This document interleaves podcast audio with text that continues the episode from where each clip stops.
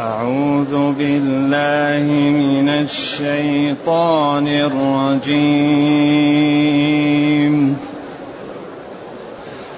ادع إلى سبيل ربك بالحكمة والموعظة الحسنة وجادلهم بالتي هي أحسن.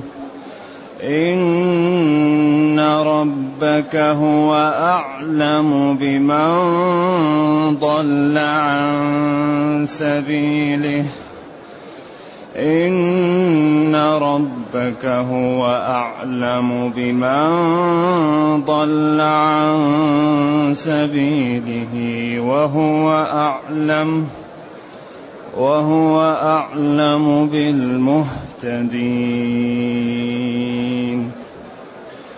وإن عاقبتم فعاقبوا بمثل ما عوقبتم به ولئن صبرتم لهو خير ولئن صبرتم لهو خير للصابرين واصبر وما صبرك إلا بالله.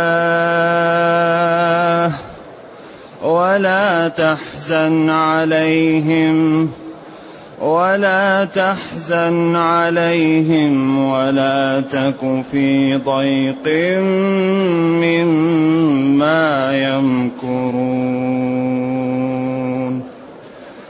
إن الله مع الذين اتقوا ان الله مع الذين اتقوا والذين هم محسنون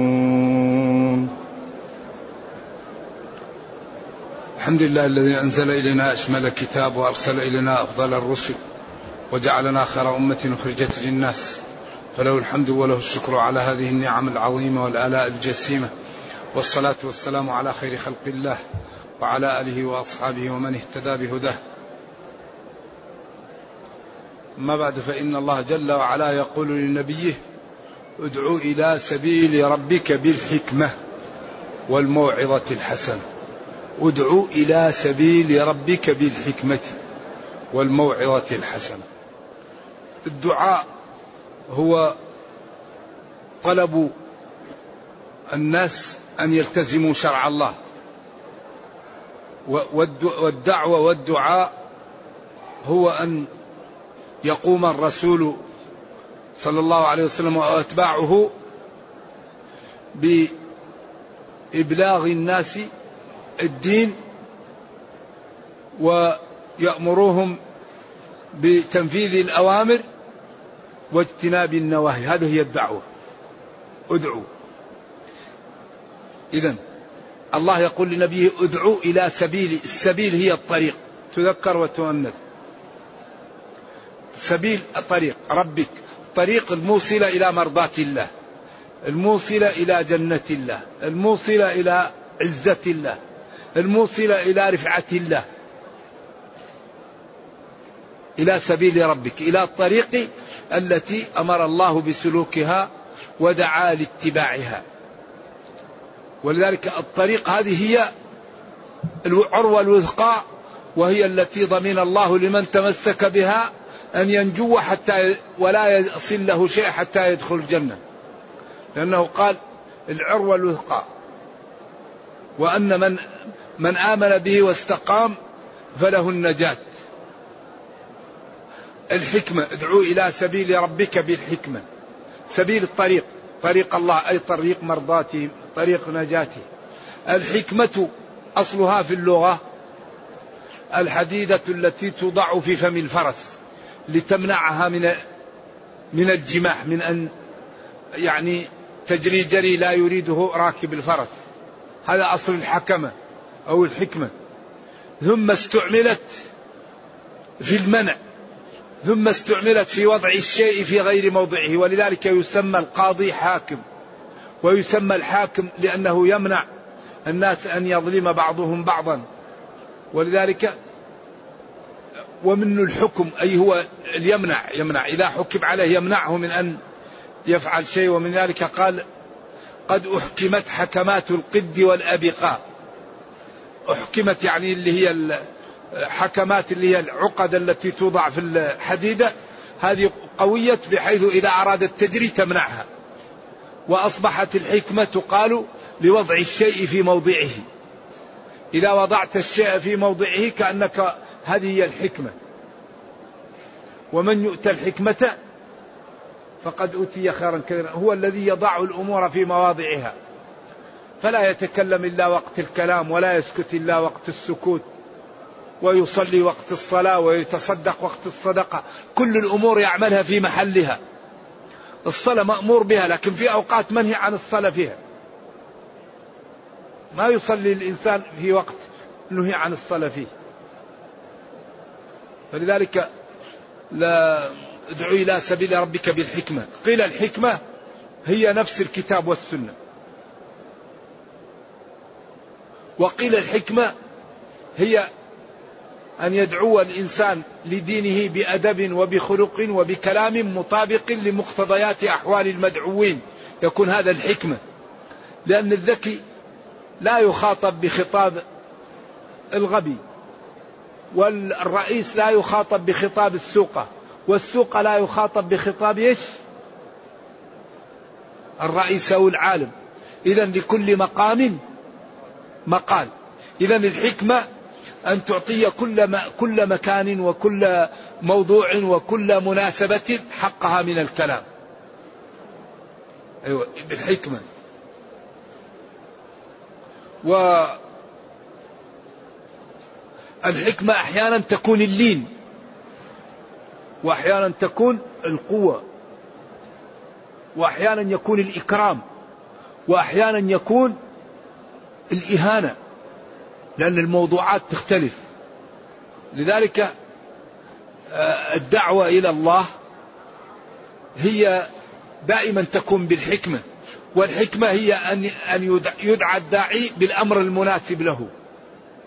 لذلك قال تعالى لقد أرسلنا رسلنا بالبينات إيش؟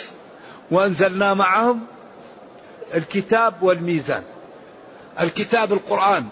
والميزان ما يوزن به الكلام من حسنه وجماله وعدالته.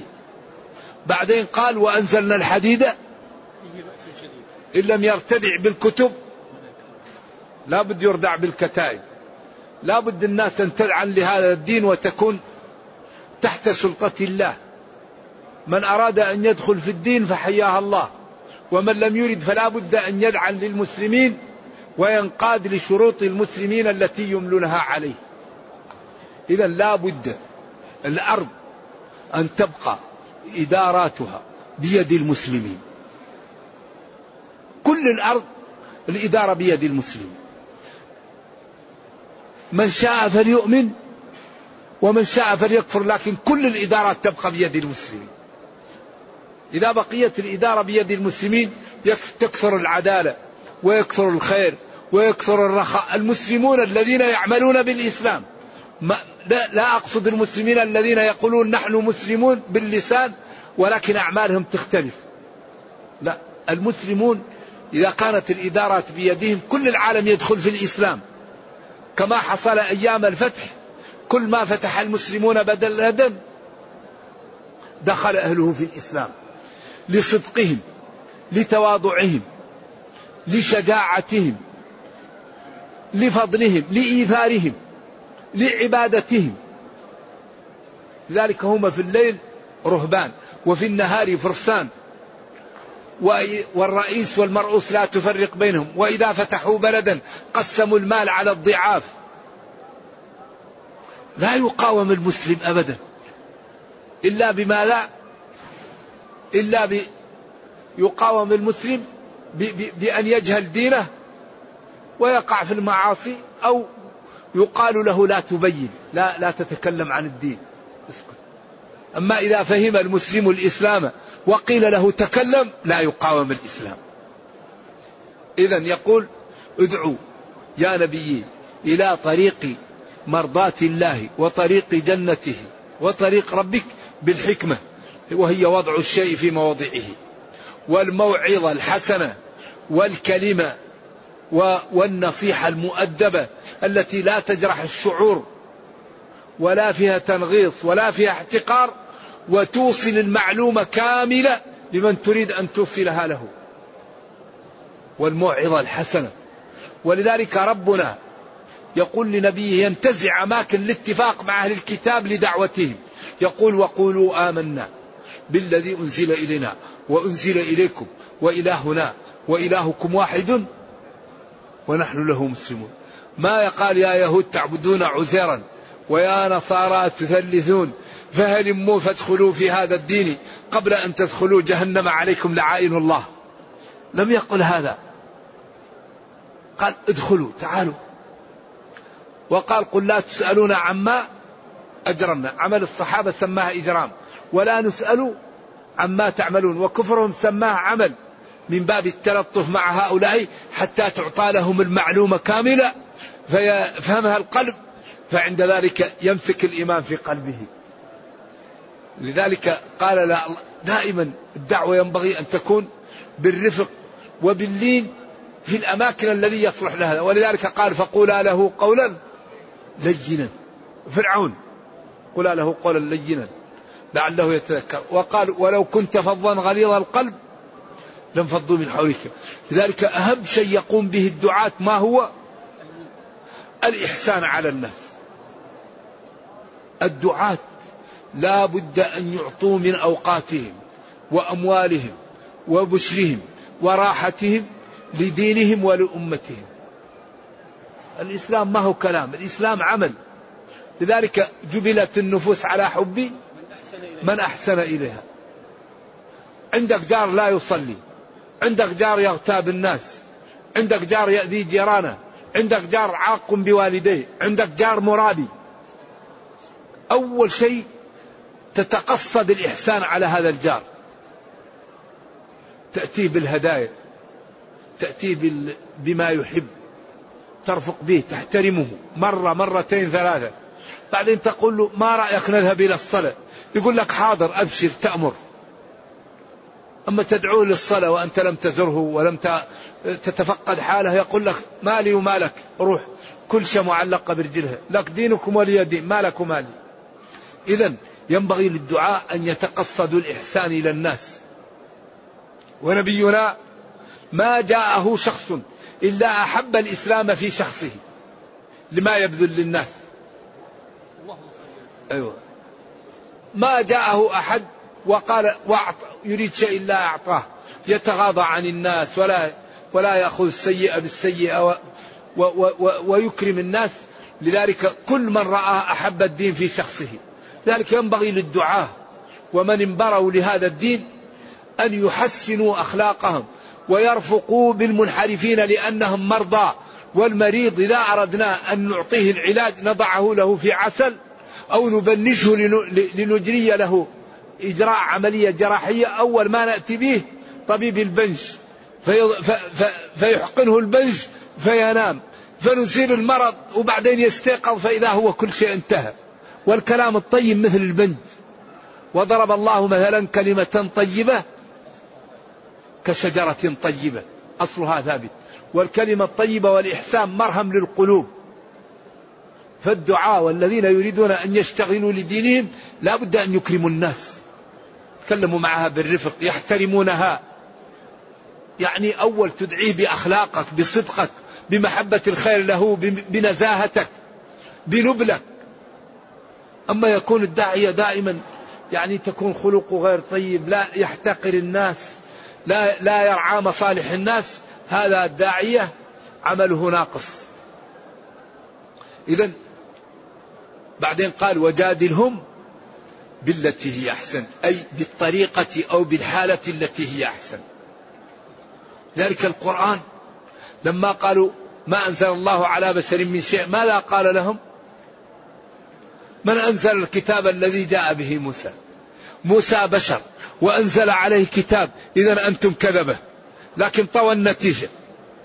ما أنزل الله على بشر من شيء قل من أنزل الكتاب. الذي جاء به موسى. إذا هذا طي للنتيجة. قال أم خلقوا من غير شيء؟ أم هم الخالقون؟ أم خلقوا السماوات والأرض؟ كل ذلك لم يقع. إذا في قوة خلقتكم ينبغي أن تعبدوها وتطيعها ذلك لا يقاوم الدين. أطلع الغيب أم اتخذ عند الرحمن عهدا؟ يعني ولذا ديننا لا يقاوم أبدا بالحجة ولا بالبرهان. اذا يقول تعالى لنبيه ادعو إلى طريق إلى دين ربك بالحكمة وهو وضع الشيء في موضعه سواء كان ذلك بالكتاب أو بالسنة أو بالفقه أو بالأدب والأخلاق واللطف مع الناس. كل ذلك داخل في الحكمة. والكلام الطيب الذي يوصل المعلومة من غير أذية لمن تريد أن تدعوه. بعض الناس إذا أراد أن يدعو واحد يقول له يا خبيث. طيب تقول له يا خبيث يقول لك يا خبيث. وجادلهم بالتي هي أحسن. مجادلة. ولذلك الخليفة العباسي الواثق لما أتى بالشيخ الشامي مكبل بالحديد يريد أن يقول القرآن مخلوق والعلماء بعضهم تستر وبعضهم شرد والإمام أحمد ضرب جاء هذا الشيخ الشامي. فلما جاء قال للخليفة السلام عليك يا أمير المؤمنين. قالوا لا عليك السلام قالوا بئس ما أدبك مؤدبك يا أمير المؤمنين. الله يقول وإذا حييتم بتحية فحيوا بأحسن منها أو ردوها. والله ما حييت منها ولا رددتها. قال اتركني من هذا. يا ابن أبي دؤاد تعال. فقال له ما تقول في القرآن؟ قال له أنا الذي مكبر بالحديد هو الذي لي أن نسأل. قال له اسأل. قالوا مقالتك هذه التي تدعو الناس إليها علمها رسول الله أو جهلها قال ابن أبي دؤاد جهلها رسول الله. قال ما شاء الله ما شاء الله. علمها ابن أبي دؤاد وجهلها رسول الله؟ قال له أقلني. والمناظرة على بابها. قال له أقلتك. فعاد عليه السؤال. قال له علمها ولكن لم يدعو الناس إليها.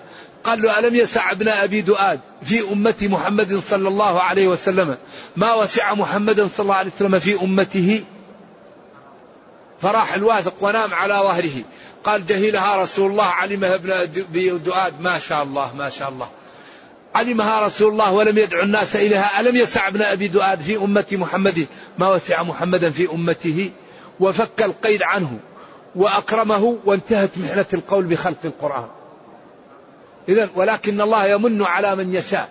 بعض الناس الله يعطيه الحجة علما بأنه أوذي ناس ولم يؤذى أحد بعد هذه القضية في محنة القول بخلق القرآن. إذا وجادلهم بالتي هي أحسن. والمجادلة تكون بالنصوص. الشرعية وبالنصوص العقلية لأن العقل السليم لا يخالف النص الصحيح. أيوة. لا يع... لا لا, يع... لا يخالف النقل الصحيح أبدا. ولذلك العقل يعضد الشرع. لذلك أغلب الأشياء التي ينهى عنها الشرع تجد العقلاء يحرمها على أنفسهم كالخمر وكالظلم وكالأشياء الآن كثير من الأمور ينهى عنها الشرع. تجد بعض الكفار علموا من ظاهر الحياة الدنيا أنها مضرة فيتركونها. لذلك هذا الدين دين عجيب. لذلك الأمور التي ينهى عنها كل العقلاء يحافظ عليها. الدين والنسب والعرض والعقل والمال وش؟ والعقل. الجواهر الستة وبعضهم يقول الخمسة. كل العقلاء متفقون على الحفاظ على هذه الأمور لأن بدون الحفاظ عليها تختل يعني حياة الناس ويقع فيها العنت ويقع فيها الأمور التي يصعب معها الحياة. إذا وجادلهم بالتي أي بالطريقة التي هي أحسن. إن ربك خالقك ومدبر أمرك هو لا غيره أعلم بمن ضل عن سبيله. وهو أعلم بالمهتدين. إذا هذا تهديد شديد للمنحرف وترغيب أكيد لمن استقام. أعلم بمن ضل عن سبيله وهو أعلم. فيهنأ المتقي ويا ويل المجرم. فهي صالحة للترغيب والترهيب وهذا من إعجاز القرآن وامتلائه من المعاني. وإن عاقبتم فعاقبوا بمثل ما عوقبتم به. هذه الآية قيل نزلت في حمزة والأنصار لما قتل حمزة ومثل به تألم النبي صلى الله عليه وسلم لذلك وقال في الآثار أنه لولا أن أهله يحزنون لتركته حتى تأكله الطير والسباع وأتركه بهذا الأمر لشنيعته وأقسم أنه يمثل بسبعين منهم فجاءت الآية وإن عاقبتم فعاقبوا ولئن صبرتم ولئن صبرتم يقول يقال كفر عن يمينه وقال لا أفعل عفوت عفوت. وكذلك ورد عن الأنصار. وقيل الآية منسوخة بقوله اقتلوا المشركين والصحيح أن هذه الآية هي أعم من هذا المكان. وإن ظلمكم شخص فأخذوا منه بمثل مظلمتكم ولا تزيدوا على ذلك. وإن صبرتم فذلك أفضل لكم. أي وإن حصلت عليكم مظلمة فخذوا من الظالم بقدر مظلمتكم. وإن عفوتم فذلك أفضل لكم. هذا هو الصحيح. وإن عاقبتم فعاقبوا بمثل ما عقبتم هذا الذي يقال له المشاكلة. لأن هذه ما هي عاقبة هذه مكافأة. لكن من باب المشاكلة. كقوله وجزاء سيئة سيئة. ما هي سيئة؟ هذه. هذا شيء مباح والسيئة لا تجوز. ولذلك قالوا اقترح شيئا نجد لك طبخه. قلت اطبخوا لي جبة وقميصا الجبة لا لا لا لا تطبخ. أي خيط لي جبة أنا أنا معي البرد ما معي جوع. نريد أن نلبس. هذا يسمى في عرف البديع المعنوي المشاكلة. إذا ولئن صبرتم لهو خير للصابرين. ولذلك قال ولمن صبر بعد ظلمه ومن ولمن ولمن إيش؟ ولمن ولمن انتصر بعد ظلمه فأولئك ما عليهم من سبيل. إنما السبيل على الذين الناس. قال وأن تعفوا أقرب للتقوى. إذا أخذ الحق جائز. والعفو أفضل. ما عفا عبد عن مسألة إلا وضعه رفعه الله بها وعوضه. وما تواضع عبد لله إلا رفعه. لذلك ما كان رسول الله ينتقم لنفسه ولا يغضب لها وإنما ينتقم ويغضب لله. إذا يقول ولئن صبرتم لهو خير للصابرين. ما قال لهو خير لكم عشان يعم كل من صبر. لهو خير للصابرين. ولذلك لا يمكن للإنسان أن ينال غرضه إلا بالصبر. أبدا. أي شيء يحتاج صبر. اصبر ولا تضجر من مطلب فآفة الطالب أن يضجر. أن. فآفة الطالب أصبر ولا تضجر من مطلب فآفة الطالب أن أيوة. ولذلك قال إنما يوفى الصابرون أجرهم بغير حساب. واصبر وما صبرك إلا بالله. اصبر يا نبي على الطاعات وعلى المشاق وما صبرك وتحملك لذلك إلا بمشيئة الله وبقدرته وبلطفه بك. واصبر وما صبرك إلا بالله ولا تحزن عليهم. قيل لا تحزن على كفار قريش. وقيل لا تحزن على قتل أحد فإنهم في الجنة. وهذا ضعيف لأن السياق أبعد منه شوية. ولا تكن في ضيق مما يمكرون. في ضيق وفي ضيق. بن كثير في ضيق وضيق. وهما قراءتان سبعيتان أو بمعنى واحد. وقيل الضيق يكون في المعيشة والضيق يكون في الصدر. ضيق في الصدر والضيق في المعيشة وفي البيت. وقيل هما بمعنى واحد وهذا أشبه. ثم قال إن الله مع الذين اتقوا والذين هم محسنون. المعية معيتان. معية بالكلاء والنصر والتمكين وهذه لأولياء الله. إن الله مع الذين اتقوا بالنصر والتمكين والكلأ والحفظ والرعاية ومعية عامة لخلقه وما تسقط من ورقة إلا يعلمها ما يكون من نجوى ثلاثة إلا هو رابعهم ولا خمسة إلا هو سادسهم ولا أدنى من ذلك ولا أكر إلا هو معهم أينما كانوا ثم ينبئهم بما عملوا يوم القيامة وما قدر الله حق قدره والأرض جميعا قبضته يوم القيامة. ما السماوات والأراضين في يد الله إلا كحبة خردل. إذا لا من جاه إلا بالاستقامة. طاعة الله هي التي تنجي. ولا تك في ضيق مما يمكن حذفت النون لأنها تحذف أحيانا. تكون علامة للرفع وتحذف. فلذلك حذفت هنا. أصلها ولا تكن فحذفت ولا تكن للتخفيف في ضيق أو في ضيق مما يمكرون. إن الله جل وعلا مع الذين اتقوا بالرعاية والنصر والذين هم محسنون فيما أمرهم به ربهم وفيما طولبوا به ويعبدون ربهم كأنهم يروه. فعند ذلك يجزون الجزاء الأوفاء يوم القيامة يوم التمايز ويوم التغابن. هؤلاء سيجدون عاقبة ونتيجة تقواهم وإحسانهم. نرجو الله جل وعلا أن يجعلنا وإياكم من المحسنين وأن يرينا الحق حقا ويرزقنا اتباعه وأن يرينا الباطل باطلا ويرزقنا اجتنابه وأن لا يجعل الأمر ملتبسا علينا فنضل. سبحان ربك رب العزة عما يصفون وسلام على المرسلين والحمد لله رب العالمين والسلام عليكم ورحمة الله.